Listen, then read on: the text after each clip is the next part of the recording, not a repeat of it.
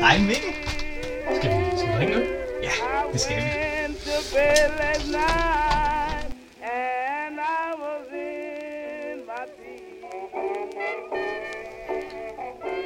Så, så sidder vi her Ja. til jubilæumsafsnit. Åh. Første udgave af det. det. Lyden er måske endnu ringere, end den plejer at være. Ja. Fordi at vi jo sidder i samme rum. ja. Og det har vi gjort før. Det har vi gjort før. Det har vi gjort en enkelt gang før, tror jeg. Mhm. Og der var vi i et køkken. Ja. Og der var en øh, opvasker på et tidspunkt, som begyndte at bippe hen i hjørnet. Ja. Øh, og nu sidder vi igen i et køkken. Ja, men, men der er ikke en opvasker, der begynder at bippe, for min opvasker kan ikke bippe. Vi er i mit køkken, eller i vores, min families køkken, Ja, nemlig. i Randers, Ja. hvor du har taget den lange vej over indtil flere broer. Og flere, hvad hedder sådan noget, øh, øh, skifte forbindelse, pit stops. Ja, ja, ja. Der er mange broer. Alle broerne nærmest, ikke? Jo, jo, jo, både ja. øh, Lillebælt og Storebælt og Ja. Randersbro. Så der er jo masser af de her... Så Vejle Fjordbroen også. Nå, ja, ja, ja, ja. Den var ikke over dog. Nej, nej, nej det, det er de ikke bygget op endnu. Nej, ikke nu. Det, det, det vil de lave på et tidspunkt. Ja. Nå, men vi er jo fordi, at vi nu med dette afsnit, som, som er det første i et, i et fire afsnit langt jubilæumsfest, Ja. er vi nået til, at man nu kan høre et afsnit hver uge i tre år af Øl og Ævl, hvis man kun tager de rent faktisk nummererede afsnit.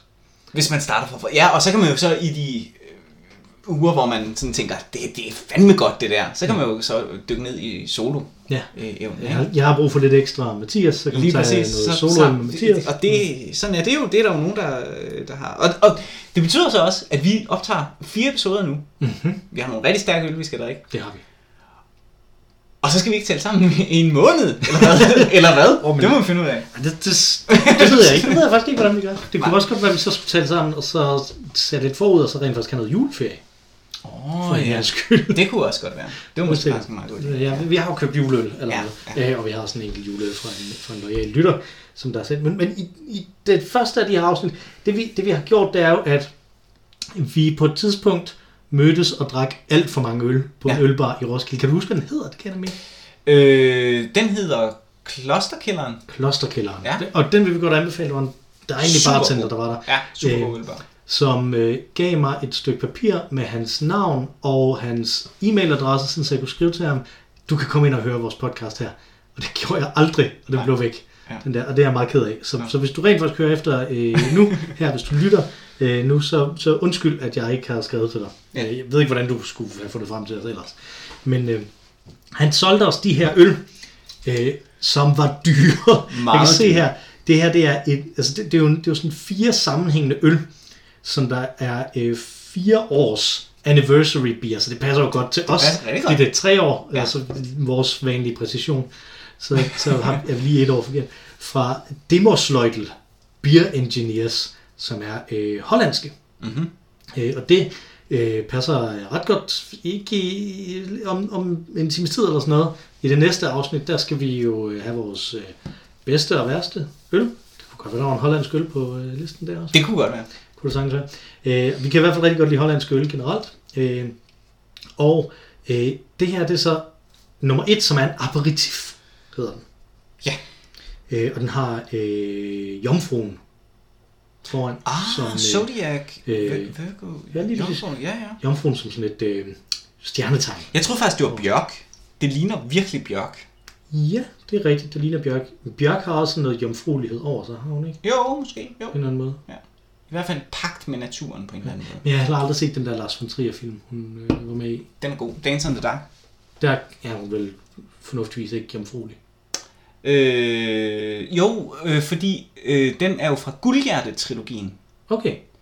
øh, som jo handler, Guldhjerte-trilogien handler jo om uskyldige kvinder, der offrer sig øh, for verdens ondskab. Øh, Guldhjerte-trilogien består af øh, Breaking the Waves, som er nummer et, om en kvinde, som offrer sig for sin øh, lamme mand.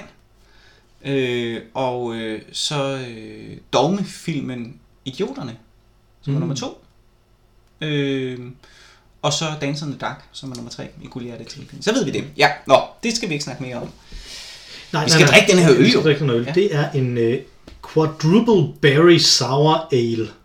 Ingredienserne er vand, malted barley, oats, hops, yeast, og så kommer øh, bærene. Jordbær, himbær, blåbær og solbær. Og vi ved jo, du elsker øl med bær. Ej, det er ikke godt det her. Det er en frygtelig start på det. Ja, det Øh, den er heller ikke, den, det er den, jeg husker den som den var 8%, den er 7% Ja. øh, alkohol. Så måske hjælper det, fordi jeg synes tit, at de her øh, frugt- øh, og bærøl er meget lave i alkoholprocent. Ja. Og det kunne være problemet for mig. Øh, fordi det her det er jo en middag, så skal vi også have mad imens Ja. øh, vi laver det. Øh, så vi optager ikke ud i et. Vi, vi standser imellem hver episode, laver en øh, madret, og så øh, spiser den, Mhm. mm-hmm. mens vi gør det. Så det skal vi nok også fortælle, hvad det er. Og til den her, der øh, er det jo en aperitif, så der har vi snacks. Simpelthen. Simpelthen. Øh, vi ville have haft snackpølser. Det, det, Det kunne ikke lykkedes få, ikke. vi kunne ikke få snackpølser, nej. Nej. Det, det tætteste, vi kunne få, det var sådan nogle øh, øh, træstjernede salami-ting, som jeg faktisk har inde i køleskabet, men det er til børnenes madpakke. Okay, præcis. Det, Det er sådan ligesom, hvis man havde et ostebord og serveret, øh, øh, hvad hedder det, lillebror oste... Ostaps, dem har jeg også. Okay. De er økologiske. Ja. Øh, det er, fordi jeg, har, jeg har jo en, en baby, som der er under et år gammel. Det er de eneste, som jeg nogensinde har mødt, der kan lide sådan nogen der i virkeligheden. Ja, okay. Det er, ja. når de er så små, at de ikke kan smage noget som helst. Ja. Øh, så det har vi, og så har vi øh, sådan en tropesnack ting. Mhm. Øh, bring on wasabi og chili, tror jeg, de sagde det var. Hvor der er nogle wasabi peanuts og noget chili øh, majs øh, snacks og sådan noget i. Og så har vi altså oliven. Og så oliven. Oli- Oliven snacks. Oliven med og feta og sådan Ja, det bliver rigtig godt. Øh, men skal vi ikke øh, åbne kalorien? Lad os det. Ui, Sådan. hvad er det, der kommer ud af denne her? Ja, hvad er det? Hvad er det? Hvad er det? Det ligner jo... Øh... Det ligner faktisk lidt øl, synes jeg. Synes Øh, du det? Nej, ikke nu, hvor det er blevet, øh, hvor det er lagt sig på plads. Okay. Jeg synes til at starte med, det ligner lidt classic. Nå, ej, jeg synes, det lignede... Øh, jeg synes, det så meget rødt ud. Meget sådan... Øh, øh, hvad hed den? Øh, snake Eye. For, for satan, hvor det stinker. Øh, øh, hed det ikke Snake Eye? Jo. Den legendariske øl, som man... Øh, Jo, som man af. skulle, ikke? man skulle ja, spørge eller noget, om at få lov til at drikke den. Ja, det kan godt være, den, jeg, jeg, jeg fik den jo aldrig, fordi man kunne blive blind af den. Jeg har fået den. Skal vi smage? Ja, ja, det må vi hellere. Skål. Skål. Oh, vi kan skåle i virkeligheden. Mm. Mm. Smag på nogen. Puh, Wow. den, Det- er ikke, den er ikke sådan outright bare ringe, ligesom nogle af de her bærøl har været. Nej, men den smager jo ikke af øl. Nej. Den smager af... Øh, min mor...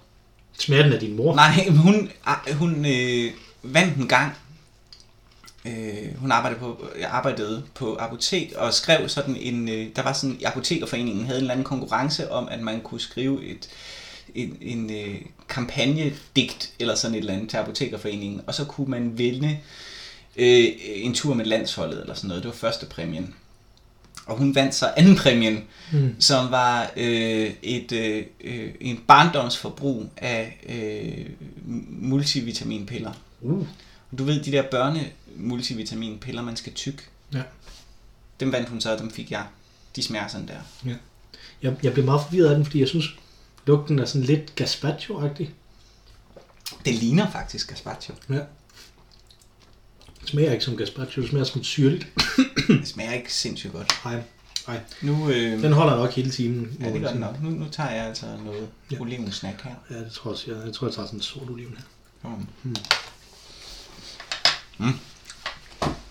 Men vi har jo fået øh, henvendelser Ja. fra lyttere, Mm. øh, som, øh, som har haft idéer, og vi har også selv haft idéer til aktiviteter, som vi øh, skal have i det her, øh, de her jubilæumsafsnit. Øh, og øh, Jimmy Kaspersen Ja. har skrevet til os. Mm. Øh, han har skrevet først og fremmest held og lykke med de tre stærke øl. Mit sidste forsøg med en stærk øl, 14,5 procent, endte med, at jeg måtte hælde halvdelen i håndvasken. Så tænkte jeg, det var ikke så godt, men han har faktisk endda sendt et billede med, og det er en hollandsk øl. Ja. Så øh, nu må vi se. Ja. Øh, han øh, bakker op om det forslag, som øh, min kone sendte ind, med Mhm. at have øh, lister over bedste øl. Min kone vil også have værste øl, så det, øh, så det laver vi lidt senere. Ja. Som sagt, men øh, en anden liste, og her skriver han, der måske ikke kræver så meget arbejde, vil være en top 10 over tænkere, der er relevante og værdifulde nu. Og der tænker jeg jo, når man siger, at øh, det ikke kræver så meget arbejde. Ja. det er sådan lidt den der, jamen, jeg får så så meget i timen. Ikke? Jeg, altså, jeg får et par hundrede kroner i timen. Men det er jo ikke for det arbejde, jeg laver der. Det er også det, det arbejde, jeg har lavet for at komme frem til at kunne Ja, gøre præcis. det. På samme måde som tariffen for en musiker også, og sådan noget. Ikke? Altså, Ja. og, og, hvis man er foredragsholder, og man får sindssygt mange penge. Nej, der tror jeg faktisk ikke, det er rimeligt for det meste. Men, øh, men, Men har man- du arbejdet, har du arbejdet for øh, øh, din øh, idehistorie eksamen? Mm, ja, det synes jeg da. Nå, det er fair. Ja, jeg synes da, jeg, jeg læste nogle af bøgerne. Nå, nå, godt nok. Det gjorde jeg. Ja. Mm, jeg har bare ikke arbejdet så meget, som, som andre har gjort, nødvendigvis. Du var en god, øh, du var en god studerende. Nej, Du gav mig det gode, dygtig. du var, gav mig det gode råd, da jeg var tidlig universitet. øh, Mikkel har gået på universitet lige lidt før mig, eller begyndte lidt før mig, et par år før mig. Øh, og du gav mig det gode råd, enten at komme til undervisningen, eller læse bøgerne. Ja. Der er ingen grund til at gøre begge dele. Mm. Ikke sådan, som man fik undervisning på det tidspunkt. Og jeg kan huske, i hvilken anledning øh, du kom med det råd. Mm. Og det var fordi, vi sad en eller anden formiddag, som man jo gør, når man er studerende, og drak øl. Ja. Og øh, så er vi sådan, ah, skal vi ikke tage en øl til? Og så siger jeg, nej, det kan jeg ikke. Øh, jeg skal til undervisning. øh, og så siger du, så læs bøgerne. Der er ingen grund til at gøre begge dele. Så, så købte vi en omgang, en omgang mere. Ja. Mm. Så det er meget smukt. Nej, det var meget fornuftigt. Ja, jeg garanterer dig for, at din underviser garanteret også har drukket en øl. Ja, det tror jeg også. Eller hun skulle stå undervisning. Ja. Men til skyld. Jeg tror, det var min kone, der, øh, der læste litteraturhistorie. Mm-hmm. Hun sagde, at øh, i sådan instruktionstalen, der fik øh, de at vide, at når de skulle skrive opgaver, så skulle de drikke en, øh, en flaske rødvin, Ja. øh, mens de skrev det. Og den eneste forskel på dem, og så professoren, som der holdt talen, var, hvor dyr rødvin de havde råd til. Som jeg også Præcis. synes er meget... Det er fantastisk. Det, det er jo, man kan sige, det er problematisk, at man kæder det sammen med alkoholisering og sådan noget. Og sådan Ja. noget ikke? Altså det, Ja. altså noget. Men tanken bag det, Mm. tanken om, her er et akademisk fællesskab, som jeg byder jer ind i, Ja. er, jo, er jo smuk. Ja. Altså er jo det, som, som det også skal være. Ikke? Altså, Det er ikke, øh, det er ikke øh, super sådan øh, politisk korrekt, hvis man kan sige det, øh, i, i, i tiden, vi er i. Det, Mm. det er jeg enig med dig i. Men fællesskabsdelen er rigtig, og jeg tror, det er en af de vigtige forskelle på Aarhus Universitet og Københavns Universitet, det er, at der er en unibar. Der er et samlingspunkt i Aarhus. Det mangler der virkelig. Jeg ved godt, så siger den, at vi har en studenterbar, og hver enkelt institut og hver enkelt afdeling har selvfølgelig sine fredagsbar og sådan noget. Mm. Men Unibaren, Stakboladen, øh, det var et naturligt samlingspunkt. ja. Ja, det er rigtigt. Øh, og det betyder bare meget. Øh, og det gør det ikke. Det er ikke bare fordi vi er drikfældige i Danmark. Det gør det jo også i Oxford og Cambridge og andre øh, steder. Øh, Ja, at man mødes et sted. Og man kan sige, der er en drikfældighed i det. Ikke? Altså, så. det er der selvfølgelig. Og det er der jo altid nogen, som der ikke kan deltage i. Ja. Altså, af forskellige årsager ikke vil deltage, og det er også fint Mm. på den måde. Ikke? Og det, det, man kan sige, der, der kommer mere og mere plads til det. Ikke? Altså en af de ting, som vi jo ikke skal, skal i det her jubilæumsafsnit, øh, det er at drikke alkoholfri øl. Ja. Men det har vi jo faktisk championed en del, synes jeg. Det synes at, jeg også. Øh, at det kan man sagtens gøre, øh, og, og så stadig være med i det. Og det kan være, at der er en, øh, en enkelt eller to alkoholfrie øl på øh, listen over bedste eller dårligste. Ja, måske. Måske. Det ved man ikke. Det finder vi ud af Ja. senere. Ja. Men vi har det her top 10 over tænkere, der er relevante og værdifulde. Øh, at læse øh, lige nu. Og vi har jo lavet det på den måde, at vi ikke er blevet enige om noget på forhånd, Ja. men at vi har taget cirka 5 med Ja. hver. Ja. Øh, cirka 5, siger jeg, fordi så kan vi bytte lidt ud, hvis nu vi har noget overlap. Ja. Sådan, så vi helst gerne skulle komme op på de her 10. Øh, og det gør jo, at det er fuldstændig umuligt at lave det til en top 10. Ja. Men jeg synes egentlig også, at det er lidt ligegyldigt. Altså, øh, lad os sige 10, som der kommer igennem her. Det jeg dog godt vil have Ja. ja. med her, Mhm. mm-hmm. det er, at, øh, og, nu, og jeg har ikke clearet det med dig Mhm. mm-hmm. øh, på forhånd, men hvis nu der er en, som man synes, kæft det er dumt sagt, af den anden, Så må man, Så må man godt argumentere for det. og så, øh, og så tænker jeg, at, at, man, at, vi godt kunne, at vi godt kunne sige, at, at hvis man virkelig ikke vil, så ligegyldigt om man vinder argumentet, så kan man godt få trukket en fra. Jamen, det synes jeg er fair nok. Det synes jeg er fair nok. Og det gælder begge veje, Ja, det... Nå, okay. Nå, tak. Det er ikke kun mig, der Det er ikke kun det. dig, der må gøre det med mig. Ja, det ville jo være det naturlige. Ja, det vil Altså, være helt det, oplagt. det, det, men, mig, der men, men jeg synes, altså det, jamen præcis det er det jo, og det plejer at være mit argument i, i, i mange diskussioner, at når det, folk sådan siger, at en eller anden film er god, så øh, plejer jeg at sige, jamen jeg ved bedre, for jeg har læst film og medievidenskab. Så det er fair nok, at du kan sige, at jeg har læst i det historie, øh, i, i det historie Så det er dig, der er eksperten på det her område. Men i øvrigt synes jeg, at det er meget oplagt og meget uni-agtigt øh, og, øh, at diskutere sådan. Mhm. Mm-hmm. Så det synes jeg er fair. Præcis. Altså unibars-agtigt. Unibarsagtigt, og det er, jo, øh, det er jo et sted, hvor vi har knyttet mange sociale bånd. Præcis. Så, øh, tænker, der er relevante og værdifulde nu, Ja. er øh, øh, emnet Mhm. her. Øh, og jeg synes, det, det antyder lidt som nogen, som det stadig er relevant og værdifuldt. Ja. Men jeg synes også, at det giver mening at tænke, det er nogen, som der er i live nu, hvis det, hvis det, hvis det hjælper os. Det ikke, Jeg er lidt af, lidt af, lidt af begge, ikke? Øh, Ja, det har jeg også. Jeg, Jeg- jeg vil sige, øh, jeg har selvfølgelig været meget optaget af, hvem der er specifik, øh, hvem der har en zeitgeisthed mm, netop nu. Allerede det ord kan mig bekymre. Men, Ja, øh, men verden har også ændret sig øh, helt vildt meget på meget kort tid, synes jeg. En Mhm. coronakrise har ikke hjulpet på det, og der er virkelig sket meget øh, de sidste øh, otte år, lad os Mhm. sige det, ikke? Ja. Øh, så tænk, øh, personer, som jeg ville have sagt, denne her person, det er virkelig spot on nu, altså i vores samtid, så er de ikke spot on nu nu. Hmm. Øh, så dem har jeg sorteret fra. Øh, Jeg tror, for de er spot on. Ikke nu nu, men om tre år nu. Igen nu, ja, om tre år. Måske, måske. Nogle af dem. Nogle af dem. Altså, jeg, en, som jeg ikke har på listen, som jeg vil have svoret, jeg ville have haft på, er Jean Baudrillard. Åh oh, Som- ja, det er overraskende. Han ikke er Som jeg synes er jo meget, meget spot. Altså virkelig, virkelig, virkelig vigtig, når det handlede om øh, analysen af, hvordan øh, Trump kunne komme til magten. Mm.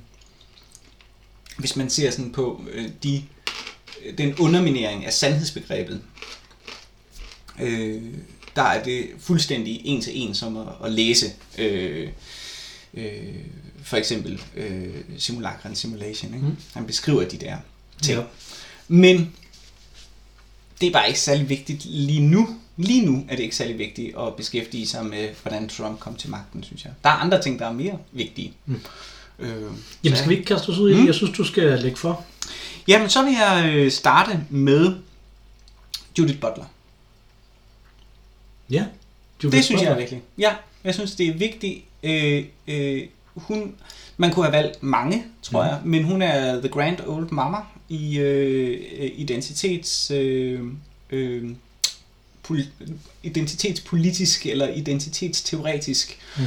Øh, øh, så derfor hende, absolut.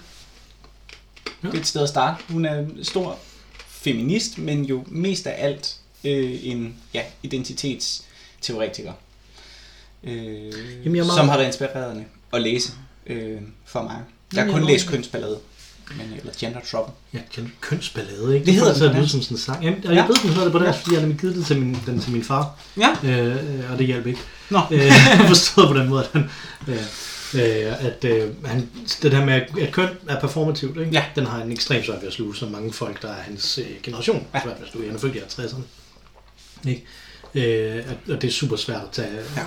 at, at tage det, det skridt, om man så må sige der. Øh, og, og, Og det den er, også- sk- det er bare, undskyld, men den er skrevet i 89 eller sådan noget, ja. så vidt jeg husker. Og det synes jeg er jo helt fantastisk. Mm. Øh, klarsyn. Øh, og Mhm. kunne skrive det i 89. Jeg ved godt, 89 var også en spændende tid. der skete mange ting. Øh, og også... Øh, øh, også identitetspolitisk. Men øh, alligevel at kunne beskrive, at netop at øh, køn er performativt, altså noget vi vælger, og noget som vi træder frem i verden med, Mhm. mm-hmm. øh, synes jeg bare er virkelig relevant. Ja. Uanset om man er enig eller uenig nu, er der, synes jeg ikke, der er nogen tvivl om, at det er et hovedværk i den, hvad skal man sige, idehistoriske debat nu, Mm. hvis man kan sige det. Ja, helt sikkert. Det, det er sådan et, et hovedbaggrundsværk. Ja. For det er sådan ja. med til at sætte klangen. Ja. Ja. Nu snakker om Zeitgeist før, Mhm. mm-hmm. ikke? Altså, den er med til, den er med til, øh, til det, ikke? Altså, hvis man, et Zeitgeist er jo et hegeliansk begreb, ikke? Altså, som, som jo et eller andet sted er, jamen, hvad er det for noget, fornuften gerne vil have, historien er på det her tidspunkt. Det kommer til udtryk igennem bestemte tænkere og bestemte mennesker, som der så øh, agerer der. Men jeg synes, det er ret skægt, også det, at du siger med, at i 89, at det var, at det var sådan fremsynet, ikke? Altså, Mm. mm.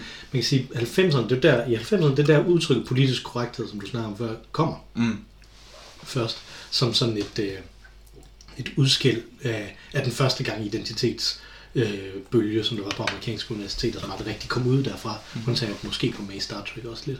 Men, men ellers så meget, øh, meget der.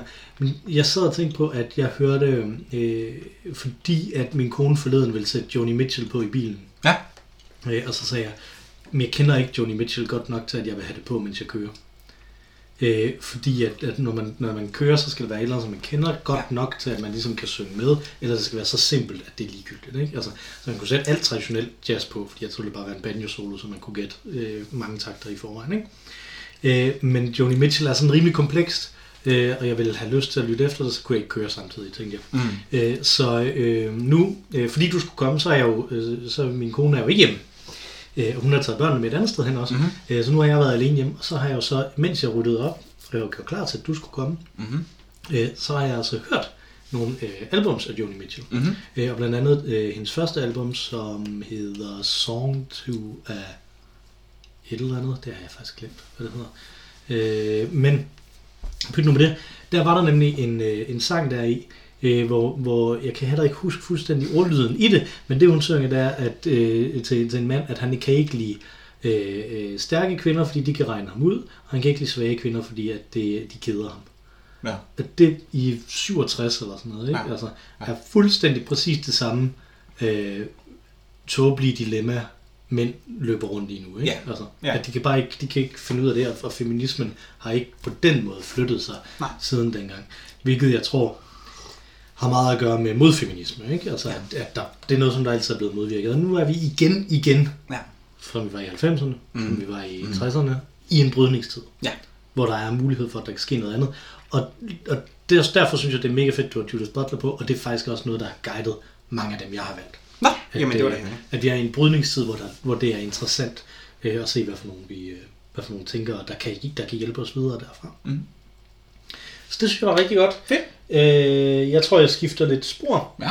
Øh, nu har du set min liste, synes jeg. Nej, nej, nej, Okay. nej, nej. du, jeg, Så er var sådan det, du, kiggede, du kiggede derhen, og så tænkte jeg, hvad er det i grunden, du kigger på? Øh, jeg, jeg skifter en lille smule øh, spor øh, over til noget andet, som der er brydning med, Mhm. øh, og øh, vil sige øh, Piketty. Ja, Tænker bredt Ja. ja. her, så det er ikke nødvendigvis filosof Piketty er økonom, Ja. som, øh, som jo fik sit øh, gennembrud. Det, lyder absurd, men fik sit folkelige gennembrud med en tusind sider lang bog, der handler om, at, fuldstændig øh, fantastisk. at folk de øh, øh, ejer for meget. Ja. Fuldstændig fantastisk, at man kan få et folkeligt gennembrud med det. Altså, hvad var der i tiden, apropos Zeitgeist? Hvad Mm. fanden, det kan han da umuligt have regnet med, da han sad på sit lille loftkammer og skrev den. Ja, det tror jeg heller ikke, men, men det, der er, altså det, det, der er interessant, det er, at han er jo økonomiens svar på Svend Brinkmann nu, nærmest, Ja, ikke? jo. Altså, Ja. øh, og øh, det, det, det, der, det, jeg synes, der er interessant, det er, at fordi selve længden af bogen der er et argument, Ja. ikke? Altså, Ja. Øh, fordi han har gjort så meget, som han har gjort for at prøve at grave tilbage og bruge alle mulige forskellige kilder. Han er jo idéhistoriker i virkeligheden, Mhm. ikke? Mhm. Han bruger Jane Austen som en kilde, for eksempel. Og sådan noget, ikke? Øh, og, og bruge alle de her forskellige kilder. Så har det gjort, at det næsten har været umuligt bare at øh, dismisse ham. Ja. Som har været den normale sådan fra, fra de hedder øh, øh, heterodoxe, tror jeg. Gør de ikke det? Dem, de gamle. Jo. Nå, de gamle økonomer øh, plejer altid at afvise de nye økonomer med, med sådan, ja, ja, ja, men det, de ved ikke noget og sådan noget. Ikke? Altså, men når han har så lang en bog, så er det næsten umuligt at afvise ham bare sådan offhand. Og det tror jeg er ret væsentligt i det. Øh, og så er hans pointe samtidig så ekstremt simpel, at næsten igennem det meste af vestens historie har der ikke været nogen ændring i ulighed, og det eneste tidspunkt, der kommer en ændring i ulighed, er her og her. Mm-hmm. Og, det, og at ulighed hænger ikke så meget sammen med indkomst, som vi tror, det gør, og som vi har indrettet vores skattesystemer efter, det gør, men i stedet omkring formuer, ikke? Altså, og hvordan de bliver beskattet, og hvordan der er omfordeling imellem, øh, imellem dem.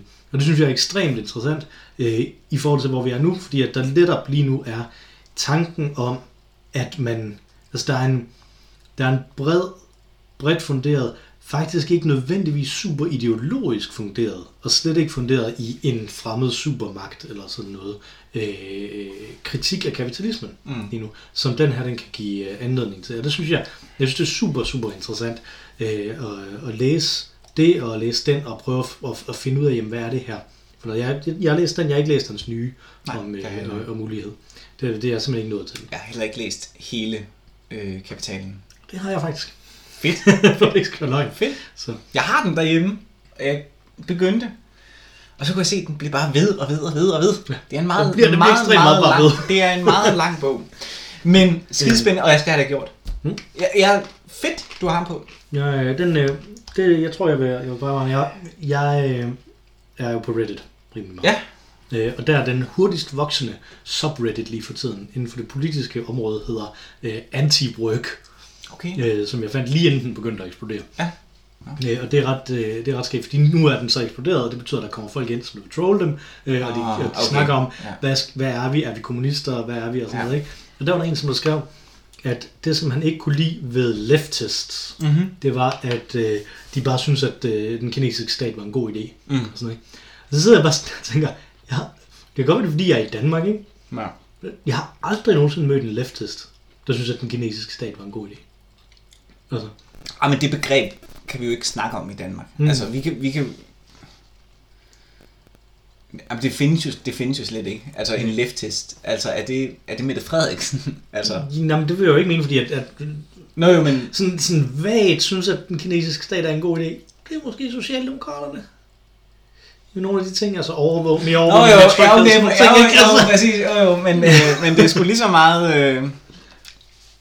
Ja, ja, det kan man, det kan man, det er fair nok, det kan man så sige. Men leftist vil jeg ikke. Men leftist, nej, det vil jeg ikke sige. Nå, fedt. Ja, øh, ellers, øh, jeg vil fortsætte Mm. mm. med en, som jeg ikke kender særlig godt. Min kone sagde, hende her skal du tjekke ud. Ja. Øh, og hende har jeg lyst til at læse. Også en økonom. Hmm, Kate Raworth, siger mig intet. som er hovedkvinden øh, kvinden, øh, bag øh, Donut-økonomi. Donut-økonomi. Ja, som er et, øh, et, et deleøkonomi, men som kigger på alle faktorer i hele det omkringliggende samfund. Så er så også på hullet i donutten. Ja, i Nej, den, nej, okay. nej. Jeg prøver- øh, hvad- men så øh, altså, hvad, hvad, hvad er det i grunden, der får hele samfundshjulet, hele det økonomiske hjul til at løbe rundt? Og det er alt, det er også naturen. Det er en meget holistisk, hvis man kan sige det, økonomi, øh, der ligger til grund for det, og er basen for deleøkonomi, Hmm, som jo er meget ind. det må man sige. Så rigtig meget øh, af de økonomiske tanker, eller rigtig meget af de problemstillinger, vi står overfor øh, nu, øh, i en bredere forstand, øh, synes den her donut-økonomi ligesom at, at komme med svar på. Mm. Mm. Så skide interessant. Jeg kender hende som sagt ikke så meget nu, men det lyder lidt til, hun er professor i Oxford, det lyder lidt til, at der, der, der lurer en Nobelpris øh, rundt om hjørnet Uh. på et tidspunkt, vil jeg sige. Hun er meget, meget interessant. Så hende vil jeg anbefale. Det kan være, hun er en lille boble nu, men nu havde du en øh, økonom på, så, øh, så, så hende vil jeg smide ind i puljen Ja. som en spændende økonom, man kan, man kan tjekke ud. Kate Raworth. R-A-W-O-R-T-H. Det kan være, hun hedder noget andet. Øh, Ja, man skal udtale det på den måde. ja, det ved man ikke. Ra- Raworth, et eller andet, det ved jeg ikke. Men øh, ja, spændende. Mm. I hvert fald. Jamen, øh, jeg bliver øh, i kvinderne så, Mm-hmm. øh, og siger en klassiker, han er Arndt, Ja. øh, som var relevant for 10 år siden, for 20 år siden. Ja. Stadig er relevant i Er hun det? økonomien. Det synes jeg. Jeg var lidt i tvivl om, jeg skulle have hende på listen. Jeg ville rigtig gerne. Øh, Jamen, jeg synes, at det, der er relevant ved han har, det er hendes begreb om politik. Det er derfor, man skal læse øh, hende. Øh, fordi at, hvor politik jo er den her positioneringsting, den måde, det bliver dæ- dækket på journalist, journalistisk, den måde, vi tænker over det på, mm. den måde, det bliver analyseret på, typisk øh, også. Øh, jeg er stadig, det jeg har hørt om, øh, apropos da vi gik på universitetet, ikke? det jeg har Mhm. hørt om, hvordan øh, statskundskaberne, de analyserede George Bushes taler ved at tælle, hvor mange gange han sagde så og så mange ord mm-hmm. øh, er måske sådan det mest sådan anti-hannah tilgang til politik, øh, Ja. som der er. Ikke? Fordi at politik, hvad er det? Jamen det er, at man skaber et rum, hvor man kan træffe handlinger kollektivt. Ikke? Ja. Altså, Øh, og det er grundlæggende set det, som der, altså den frigørelse, som der ligger i det. Plus, så, vil jeg, så var det rigtig vigtigt for mig, at jeg fik en aristoteliker på også. ja. Øh, ja. Og øh, jeg vil ikke tage øh, Aristoteles på, men fordi at hvis jeg tog ham på, så kunne jeg sikkert lade være med at tage andre på, hvad jeg lige vil sige. Fordi han har haft så meget indflydelse. Øh, men, men jeg synes, det er vigtigt at, at pointere, hvor, hvor sindssygt vigtigt Aristotel, aristotelikerne har været for, hvordan vi tænker, og hvordan, øh, hvordan tænkere ja. som sådan er ja. øh, i, i hele den vestlige historie. Ikke? Altså, så derfor så vil jeg markere det ved at have en, som der sådan er eksplicit aristoteliker. Ikke? Altså, jeg har også tanken om, ikke? jamen, hvad er det for nogle, hvad er det, vi kan, øh, hvor er det, vi kan være i live og være til, frem for, hvor er det, vi skal arbejde, og hvor er det, vi skal øh, de her ting. Alt det der, det synes jeg, det der er virkelig interessant ved Arndt. Øh, hvis man har stødt på hende, så er der ret stor chance eller risiko for, at det, man har, har hørt om, det er ondskabens banalitet. Ja. Og det synes jeg er fuldstændig ligegyldigt nu. Øh, det er sjovt, fordi det, det vil jeg, det, jeg kender kun, mere eller mindre kun Arndt ud for øh, ondskabens banalitet. Mm. Og hendes øh, Eichmann-bog der. Men for det ville være sådan en ting, for, for, for 10 år siden, mm. ville den have været sindssygt relevant. Virkelig, virkelig. Altså, øh, Afghanistan-krigen, øh, Guantanamo, øh, alle de der ting. Er det 10 år siden? Det er ikke 10 år siden. Øh, men hvad, det er som 10 år siden, de vi gamle. X antal år, ja præcis, x antal år siden, da det nu var. Øh, mm. Før Obama, ja. var, var det virkelig, virkelig, virkelig relevant, hvor man talte om, hvad er ondskab egentlig for en størrelse, eller rettere i virkeligheden. Når vi siger, vi gør det gode, øh, hvordan kan det så alligevel være ondt? Og det kan være, at vi havner i den situation igen. Mm-hmm. Lige om lidt. Der er sket ting ude i verden. Vi har lige lavet på, øh, på teatret, hvor jeg arbejder en forestilling om terror, som skulle have været sådan en, et, et requiem over øh, 11. september. Øh, men så skete der men, under prøverne, mens prøverne var i gang, så skete der jo helt vildt meget i Afghanistan, som gjorde, at vi var nødt til sådan at sige, okay, det, det er der altså endnu.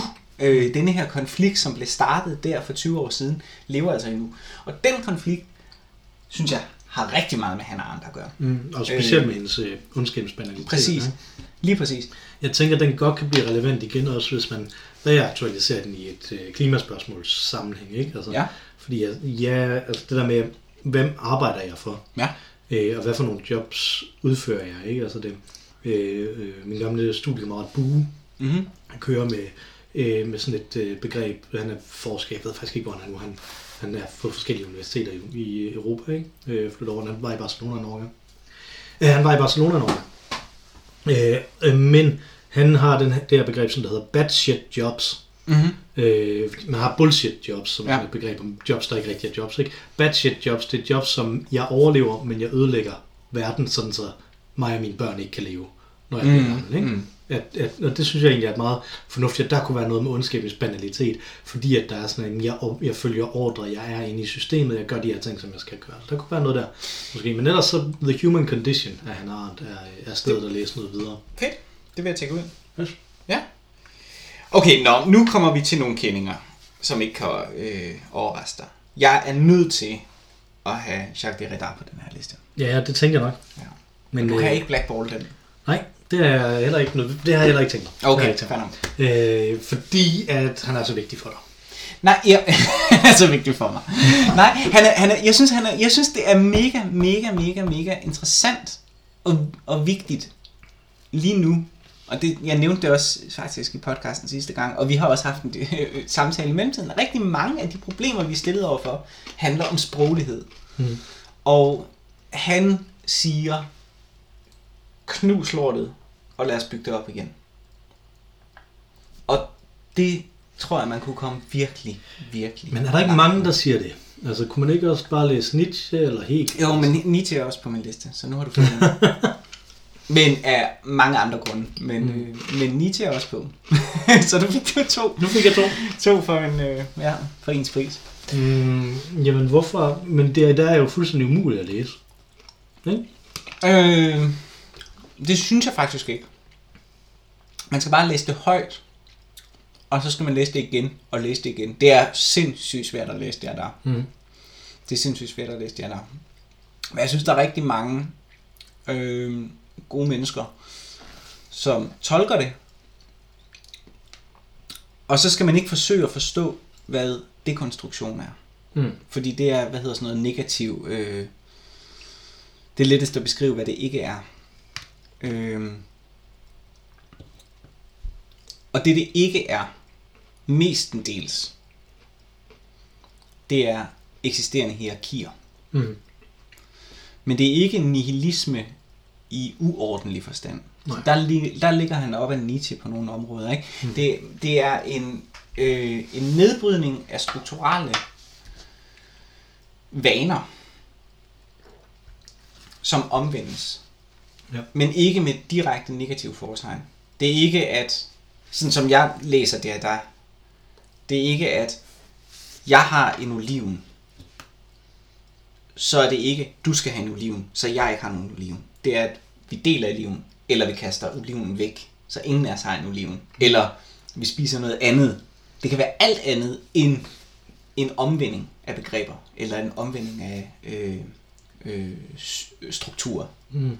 Hvor at rigtig meget øh, øh, rigtig meget forandring sker hegeliansk, som jo er en, en, en, en tese og så en antitese, og så til sidst en syntese. Han siger, drop det der antitese, pis. Øh, lad, os, lad os lave en syntese. Lad os anerkende, at der er et problem i den eksisterende struktur, og så smadre den struktur. Men ikke for, at alting brændes ned, men for, at vi kan bygge noget op ud fra den. Men er, er det at smadre den struktur så ikke bare en mere øh, omfattende antitese? Jo, mm, nej, ja, det, åh, det, altså nu er jeg jo også hegelianer. Det er det, der er meget mærkeligt med mig. Og jeg tror på øh, den hegelianske historie. Øh, fremskrivning. Øh, så det er meget muligt, at det er det. Og det vil det sikkert også være, hvis vi kom til en utopi, hvor at øh, hvor der ikke var struktur, så vil der sikkert også komme en modbevægelse mod denne her øh, strukturløshed eller forfladelse. Mm.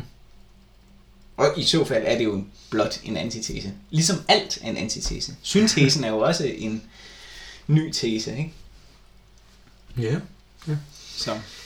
Altså, jeg tror... Jeg, jeg, jeg, synes, jeg synes ikke, du har overbevist mig om, at jeg ikke bare i stedet for burde læse Nietzsche, eller læse nogen, der læser det i dag. Hvorfor skal jeg læse det i dag?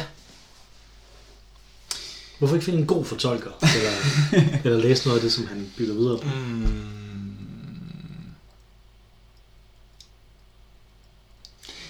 Ja, ja, det er jo det er fair nok. Det, det er et godt spørgsmål. Jeg synes, du skal ikke læse Nietzsche for at finde ud af, hvem han bygger videre på. Mm. Øh, hvem du skal læse der, vil jeg ikke sige, fordi det kunne være, at der var et spørgsmål til det senere.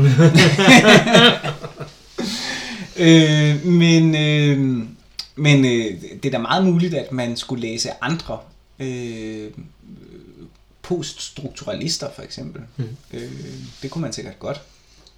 Øh, og sikkert også nogle, nogle gode nogen. Øh, jeg personligt synes jeg, det var inspirerende at læse det der, og jeg synes hans øh, hans tænkning er relevant for vores samtid. Altså det er relevant nu.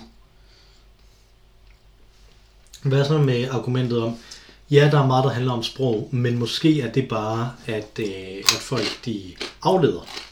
Fordi det i virkeligheden handler om virkelige ting.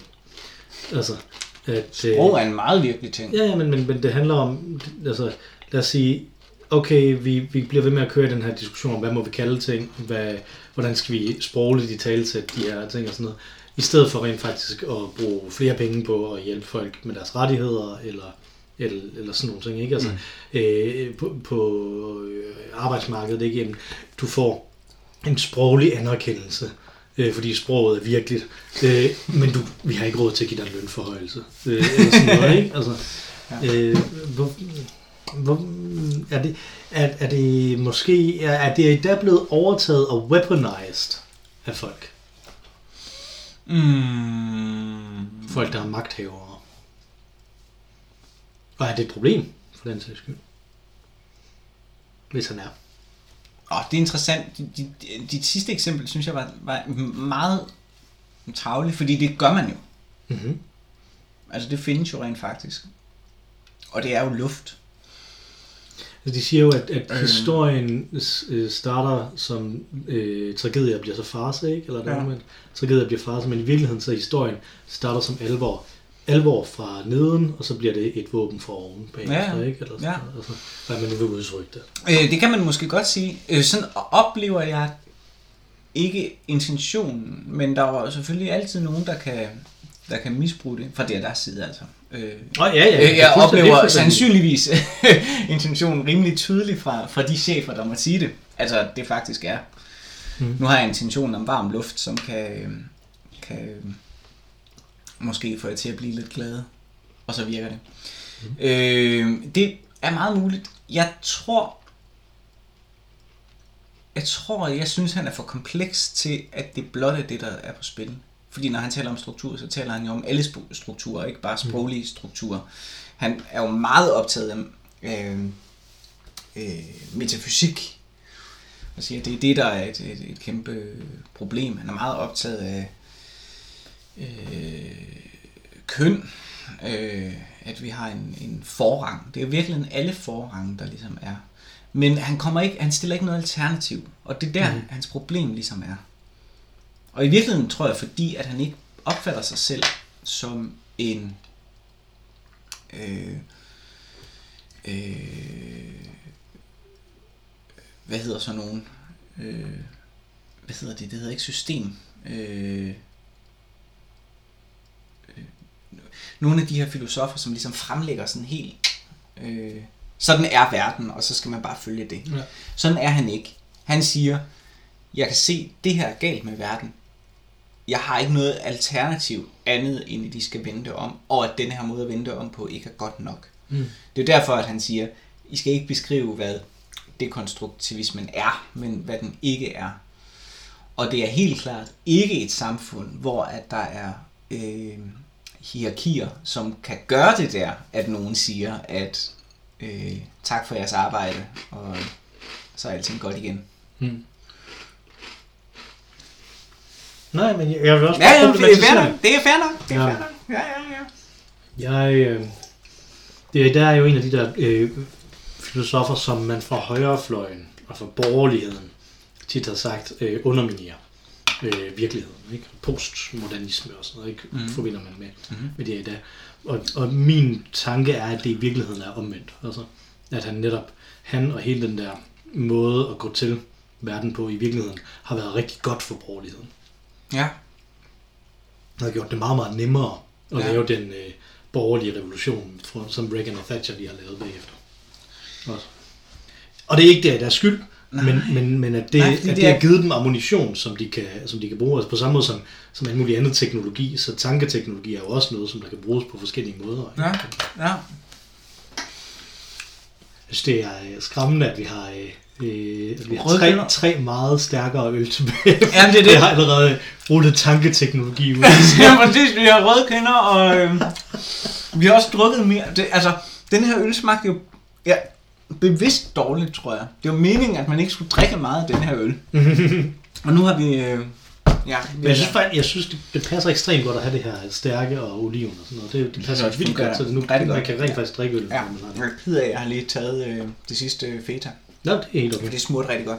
Nej, jamen, øh, jeg, I see your point. Mm. Øh, Men jeg vil ikke blackballe ham, Nej, fordi, han er fordi- så tæt på dig. Jamen, og ikke bare, jeg, jeg synes virkelig, jeg synes oprigtigt,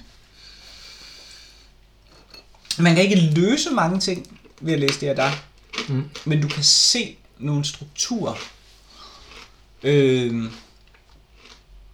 nogle problematikker, Mhm.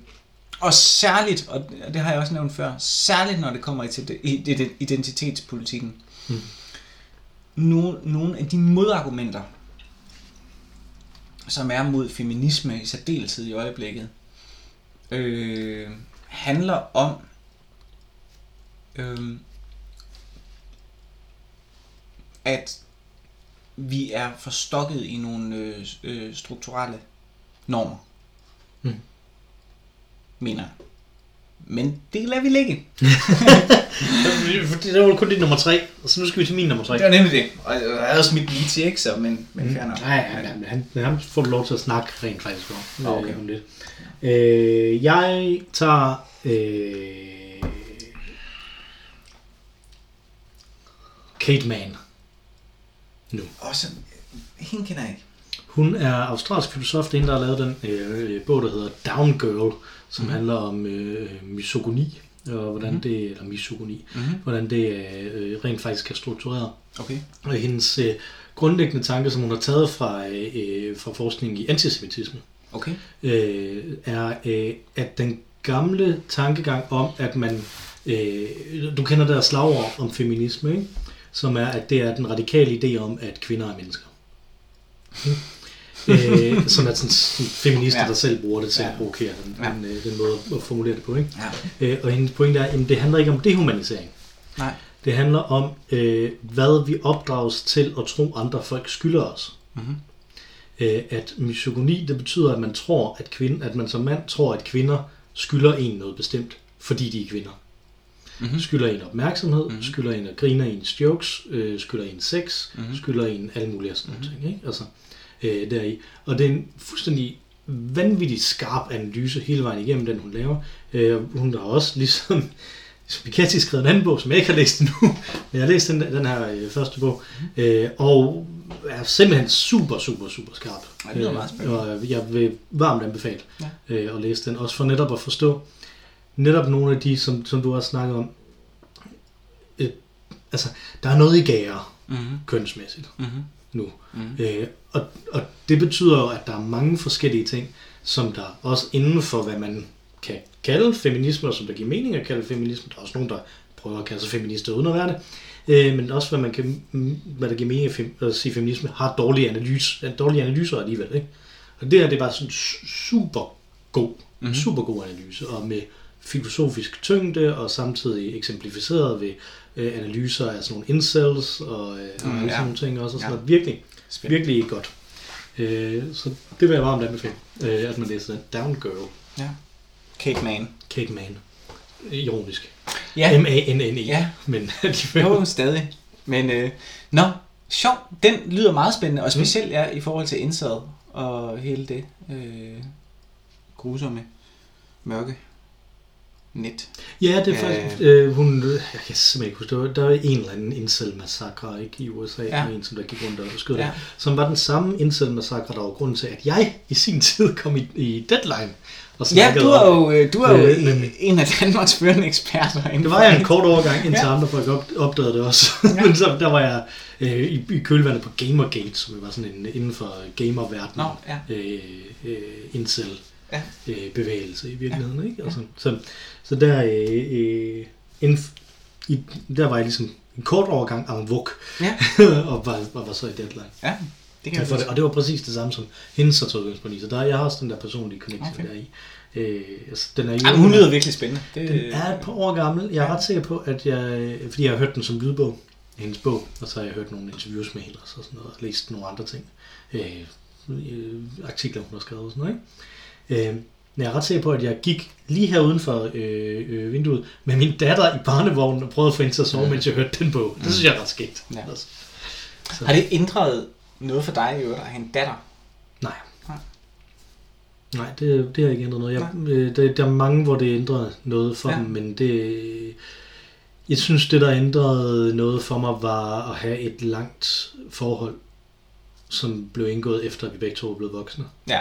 Egentlig. Altså, Ja. øh, og det tror jeg, at hvis de fleste folk gjorde det sådan, og bare gik åbent ind i det, så Mm. det have den samme effekt, som det der mænd snakker om, men nu har jeg fået en datter, nu har Mm. jeg opdaget, at, at kvinder fungerer på meget på samme måde, som jeg gør, ikke? Ja. Som, som jeg virkelig synes er ikke noget, man skal prale med. Nej, det er underligt, ikke? Altså, ja, det betyder bare, altså, men, men, Men, det man er kan jo for, det, det er jo ikke bare nødvendigvis en mandeting. Det handler jo sandsynligvis meget om øh, ens generelle evne til øh, empati.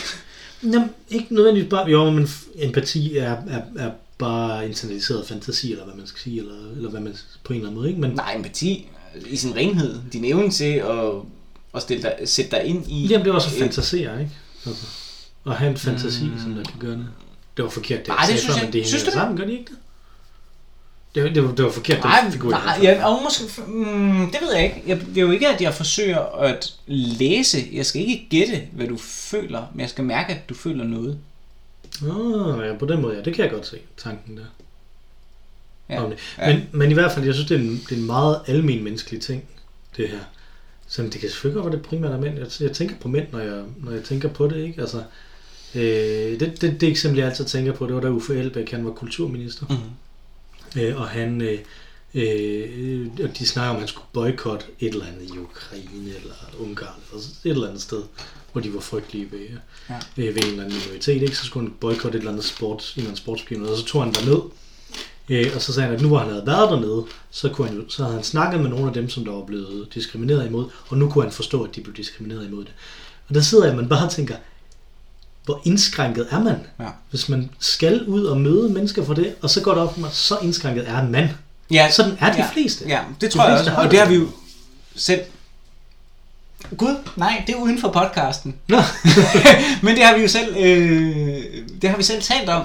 Hmm? Tidligere, vi har, skrevet, vi har skrevet et debatindlæg, som ikke er blevet vist nogen steder. Ja, det- Men vi har skrevet et debatindlæg, som netop har det argument, at det er jo en menneskelig øh, brist. Mm-hmm. Vi er sindssygt dårlige til at øh, sætte os i andre sted. Ja. Og vi er sindssygt dårlige til at øh, ikke kunne i gåsøjne drage en erfaring, uden at vi har øh, draget en faktisk erfaring. Mm. Altså vi kan ikke bare sådan sige, "Nå, men jeg er menneske, du er menneske, jeg har det sådan her, så har du det nok også nogenlunde sådan her Ja. I, en, i en sådan given situation. Eller- jeg vil ikke synes, det var særlig fedt at være i fangenskab, så vil du nok heller ikke synes, det var særlig fedt at være i fangenskab. Og, og også bare det at kunne læse om det. Ja. Ikke? Altså, og, Ja. og det, det var det, der forfærdede mig ved det der eksempel. Ja. Og, og det er bare fordi, at jeg kan huske det med Ja, ja, det, det- det er noget, som er alle mulige politikere er tydeligt, at, Mm. det, at der er mange, der har det på den måde. Og det frustrerer mig meget, fordi inde i mit hoved, så er det, det burde være 50-60% af deres job. Burde være at læse om ting og forstå, at det er mennesker.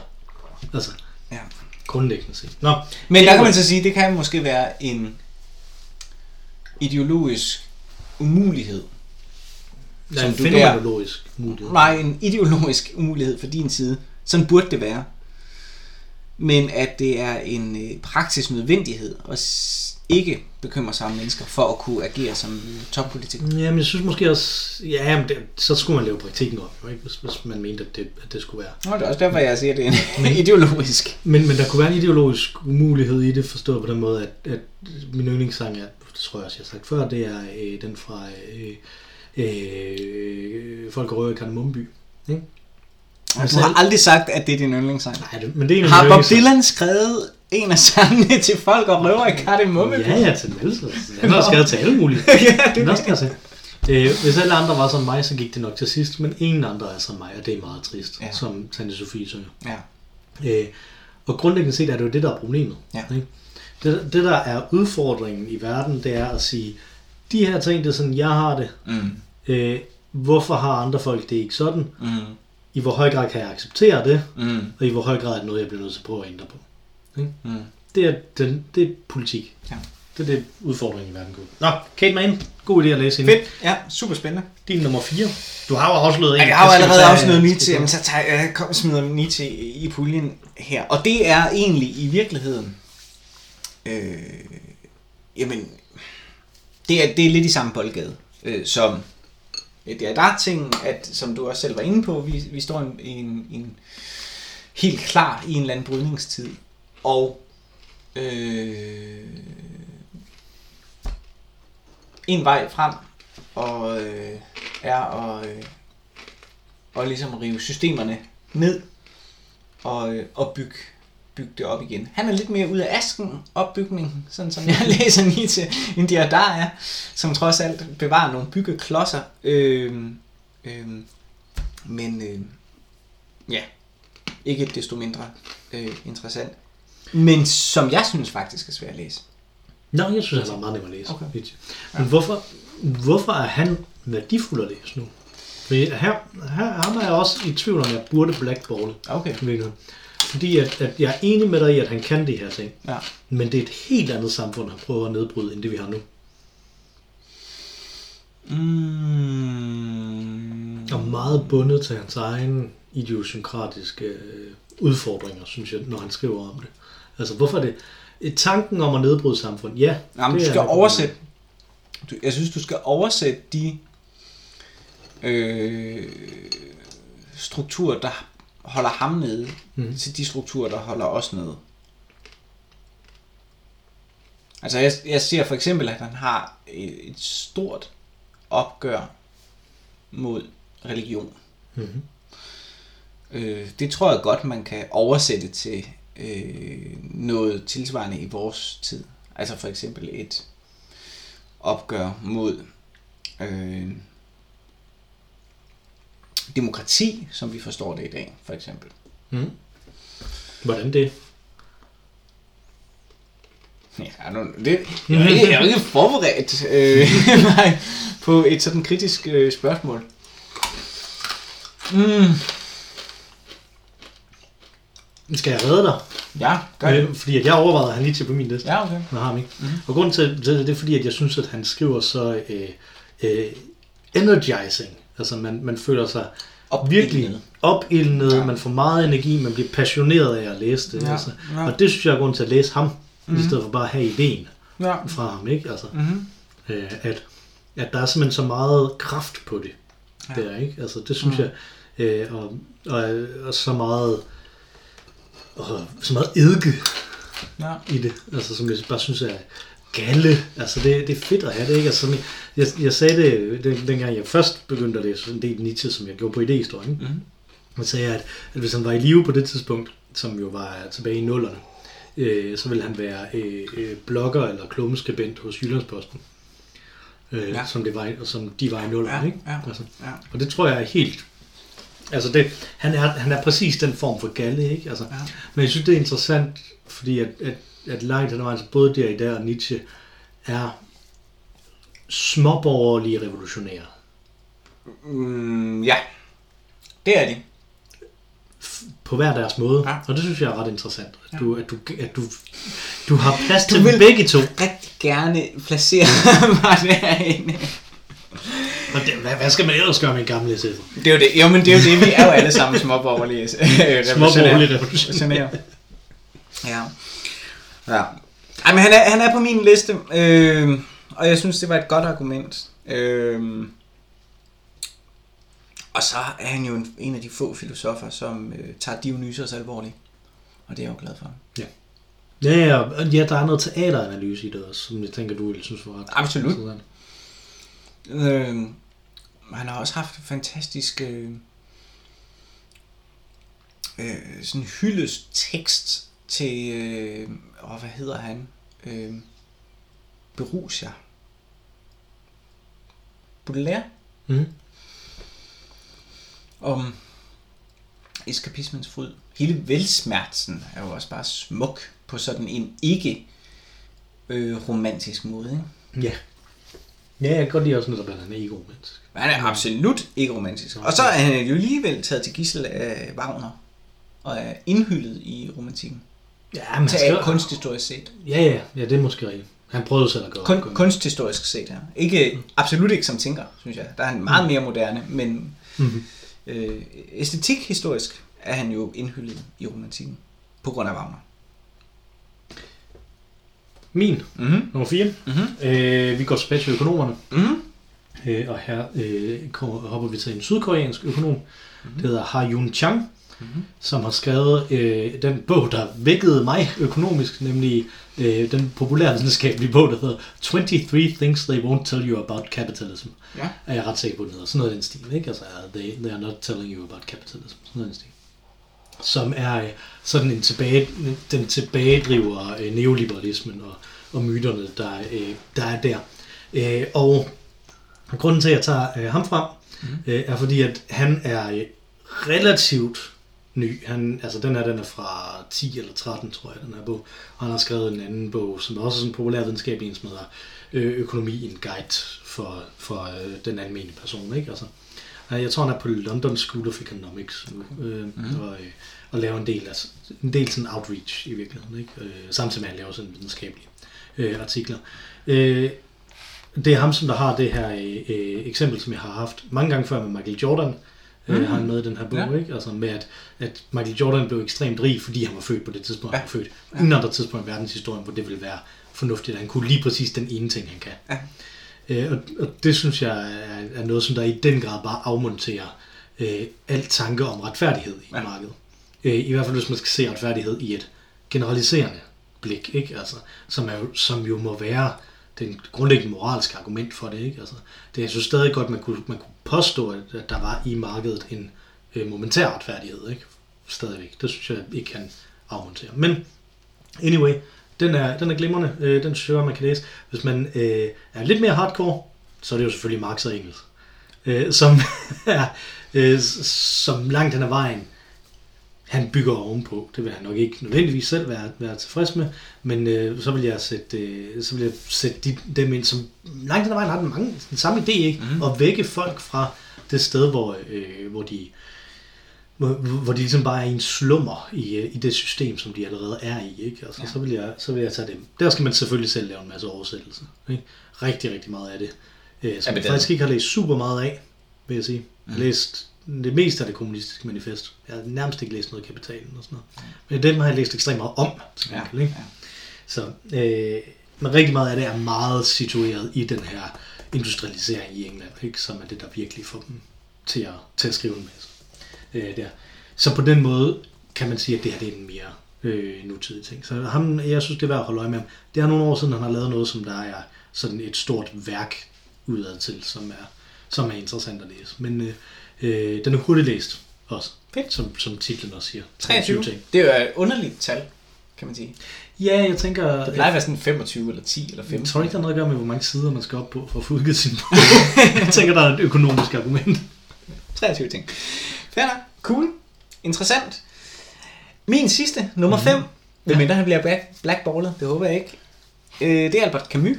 Uh, Hvorfor ham? ja, hvorfor ham? Er alle eksistentialister? Øh, der er noget sindssygt, ja, men der er virkelig noget øh, Camus, fordi at jeg, han er den eksistentialist, som jeg forstår bedst.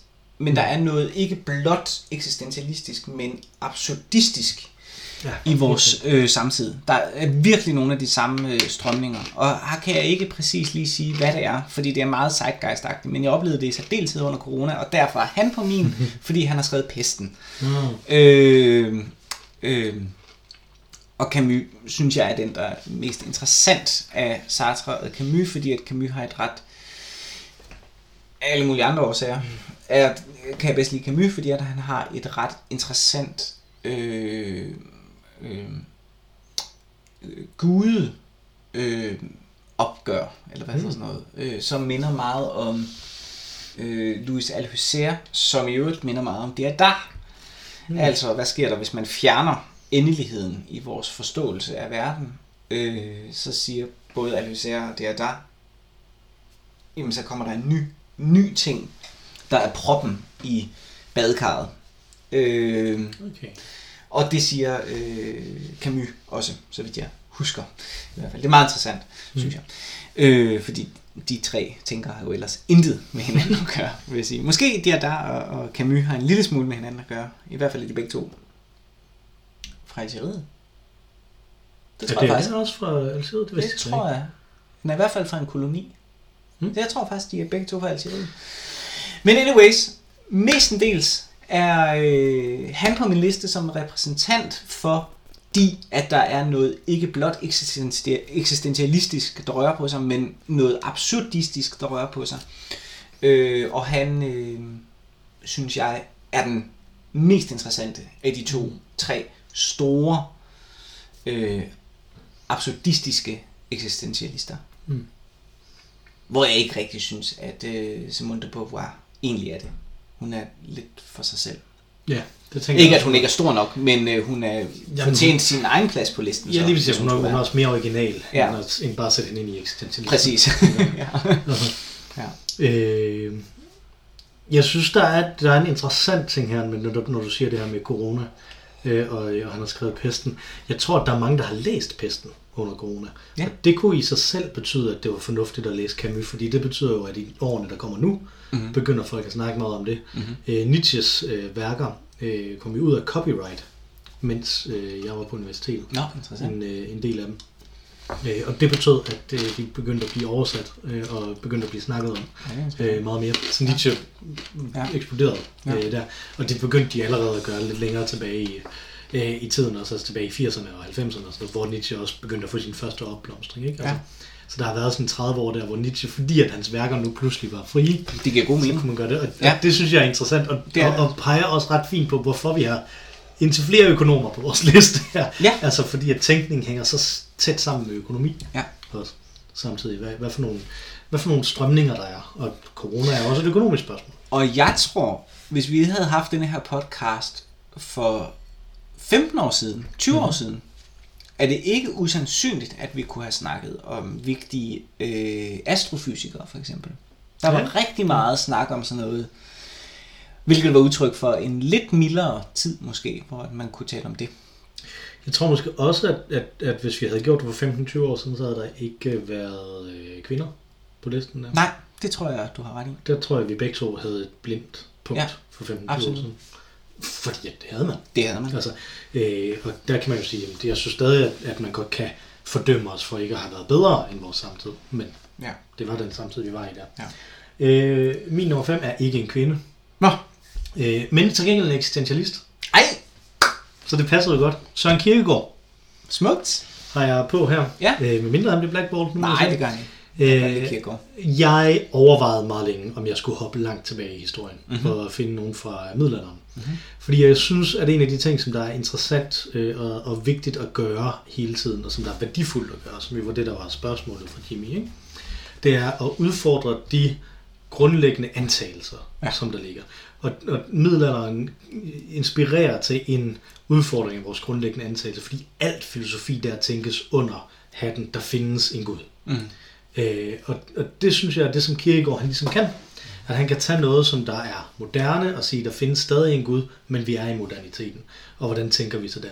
Plus, øh, værdifuldt at læse, han skriver sindssygt godt. Mm. Og det gør han simpelthen stadigvæk. Ikke? Mm-hmm. Altså på samme måde som jeg sagde for Nietzsche, han er øh, invigorating at, øh, at læse. Øh, Kierkegaard kan man faktisk sidde og grine af, når først man kommer ind i, øh, i, øh, øh, Sproget. i sproget. Ikke? Ja. Altså når man kommer ind i, i den her verden, som det er. Øh, så, så Kierkegaard er, er stadig aktuel, på den måde stadig værdifuld at læse. Og også på mange måder, fordi så mange af dem, som jeg har, er nutidige, Mm-hmm. så også på mange måder et godt korrektiv. Øh, fordi at, at jeg bliver jo en lille smule provokeret af tanken om, at nu skal vi lave en top 10 over dem, der er værdifulde.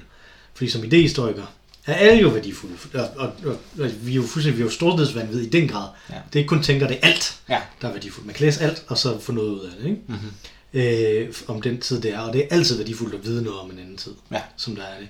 Øh, men jeg tror samtidig også, at vi på mange måder er et sted, hvor, hvor der virkelig er en skillelinje Mm-hmm. i idehistorien, Mm-hmm. øh, som har noget at gøre med teknologi, og som har noget at gøre med øh, klimaudfordringerne, som har noget at gøre med øh, demokratiet, hvor lang tid det har været, og så sådan noget. Og der er mange ting, som der lige nu er i en brydningstid, som gør, at det bliver sværere og sværere at hæve det, for eksempel, at alle bør læse Platon. ikke? Altså, som jeg er sikker på, at du sad med din blackball og ventede på, at han kom, ikke? Nej, nej, Men han ville ikke... Han, Vi elsker Platon alle du, sammen. du vil have det på samme måde, som jeg har det med dig i dag, ikke? Jo, jo, Altså, jo, at jo, det det, det vil være jeg sikkert Det vil, for dig ja, ja, jeg vil ikke blackballe Platon på dig. Det vil jeg ikke. Nej. Det vil jeg ikke. Men, og jeg synes, Kierkegaard han kan det, at han kan tale til noget, der er relevant for dig nu, Ja. ja. samtidig med, at han minder om, hvad der var relevant før. Det er så smukt.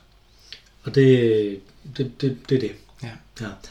Det var vores 10. Ja. Har du en ekstra? Øh, eller noget, du lige vil nævne bare hurtigt? Ej, altså, jeg havde faktisk, jeg havde faktisk øh, som du kan se her, jeg havde faktisk øh, Simone de Beauvoir Ja. på min liste, fordi jeg synes, hun er interessant. Jeg har ikke læst hende særlig dybt. Jeg har Mm. ikke læst hende, siden jeg gik på universitetet, og det må jeg blankt erkende, men jeg kan se på de mennesker, jeg omgås, at man skal læse hende. Ligesom at for man, nogle år siden, så skulle man lige pludselig læse øh, øh, Tove Ditlevsen. Sådan har jeg det lidt med øh, Simone de Beauvoir nu. Hende skal man genopfriske. Det er udelukkende sådan zeitgeist Ja, fornemmelsen. Det kan jeg godt se på, på øh, London Review of Books, Ja. at der kommer en del af de Ja. øh, bøger, der er der også. Min øh, bonus ting, som jeg havde her, var ikke en tænker, mm-hmm. men en bog, Ja. som øh, er øh, The Philosopher Queens, som jeg tror, jeg har anbefalet før, Ja. som er redigeret af Buxton og Wh- Ja, Whiting, Ja. øh, som er en masse forskellige korte instruktioner til kvindelige tænkere. Bladre igennem den, find noget, der appellerer til dig, og læs mere af den Fedt. øh, tænker, som du, som du finder der. Fordi at, øh, som, jeg, som vi antyder lige før, og som der ligesom har kørt igennem hele den her diskussion, så er der et helt perspektiv her, som endelig, endelig, endelig får lov til at komme ind. Som, som jeg håber på øh, bliver mere og mere relevant. Mm. Øh, uanset hvad der i øvrigt sker i forhold til, hvordan vi diskuterer køn, og hvordan vi diskuterer politik og alt sådan noget, så vil det være øh, så trist, hvis det der igen skete, var, at her er der en åbning, Ja. og så lukker det sig igen, sådan så, sådan så der igen er halvdelen af menneskehedens befolkning, deres erfaringer øh, ikke øh, er der. Øh, altså, prøv at tænke over, hvor svært det er at finde filosofi, der handler om, hvad vil det sige at føde børn, Mm. for eksempel. Altså, mm. bare for at tage sådan en helt biologisk ting, mm. som der bare ikke bliver overvejet i filosofien overhovedet, fordi det kun er mænd. Ja. Altså. Mm. Så den, øh, den havde jeg øh, på som, Smukt. som jeg. Øh, I øvrigt, smukt dramaturgisk loop. Ja. Tilbage til, hvor vi startede. Præcis. Skide interessant. Det, øh, vi er langt over vores sædvanlige time her, øh, men øh, det her det var så vores første, Jubilæums øl. første jubilæumsøl, som blev meget bedre af, at vi spiste noget til den, Ja. øh, og, øh, og, og øvrigt drak noget mere af den. Det må man sige. Øh, jeg tror, det er den bedste bærøl, jeg har smagt. Det vil er sige. absolut Det jeg den sige. bedste bærøl, jeg har smagt. Jeg sad- ikke og tænkte på, at det var en øl, dog, jeg drak. Mm. Men som aperitif til en lille middagsselskab. Ja. Øhm, En velkomstdrink. en velkomstdrink. Mhm. Rigtig, rigtig god. Det er lige præcis. Øh, og vi vender tilbage de næste tre uger med noget, som vi har optaget umiddelbart efter det her. Ja, Så- så, så vi kommer kun til at brøvle mere. Vi beklager på forhånd. Ja, lige præcis. Og lyden er den samme, som, øh, som den er. Øh, så det kan være, man skal springe over og komme tilbage. Om et halvt år. Vi kommer tilbage en gang i december. Ja. Øh, ah, slut november må det være. Ja. Men vi hedder Øl og Ævl. Man kan skrive til os, og så tager vi det eventuelt op i december eller januar på olugavl.gmail.com eller tweete til os på snabelag olugavl. Øh, Udover dig og mig, Mathias, så har vi også et tredje bedste medlem af podcasten, som sang os ind, hvor hun synger os ud. Det er Mara Rainey med vores fantastiske temasang. Take it away, Mara Rainey. Tak for den gang. Mathias. Tak for den gang, Mikkel.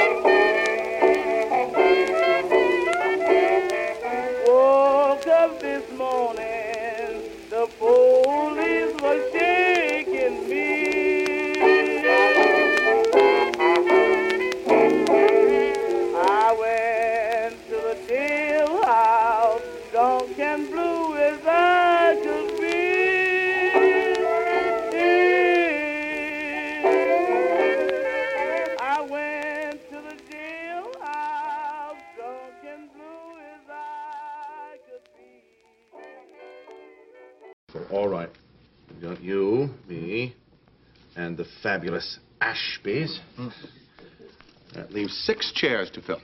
Well, we have to have Joan and Ted Birkin. That's a no-brainer. Technically, that's two no-brainers. Forget the Birkins. Who else?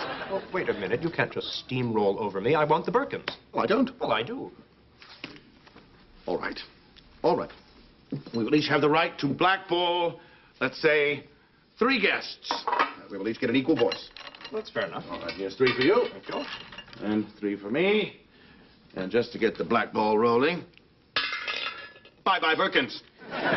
Huh?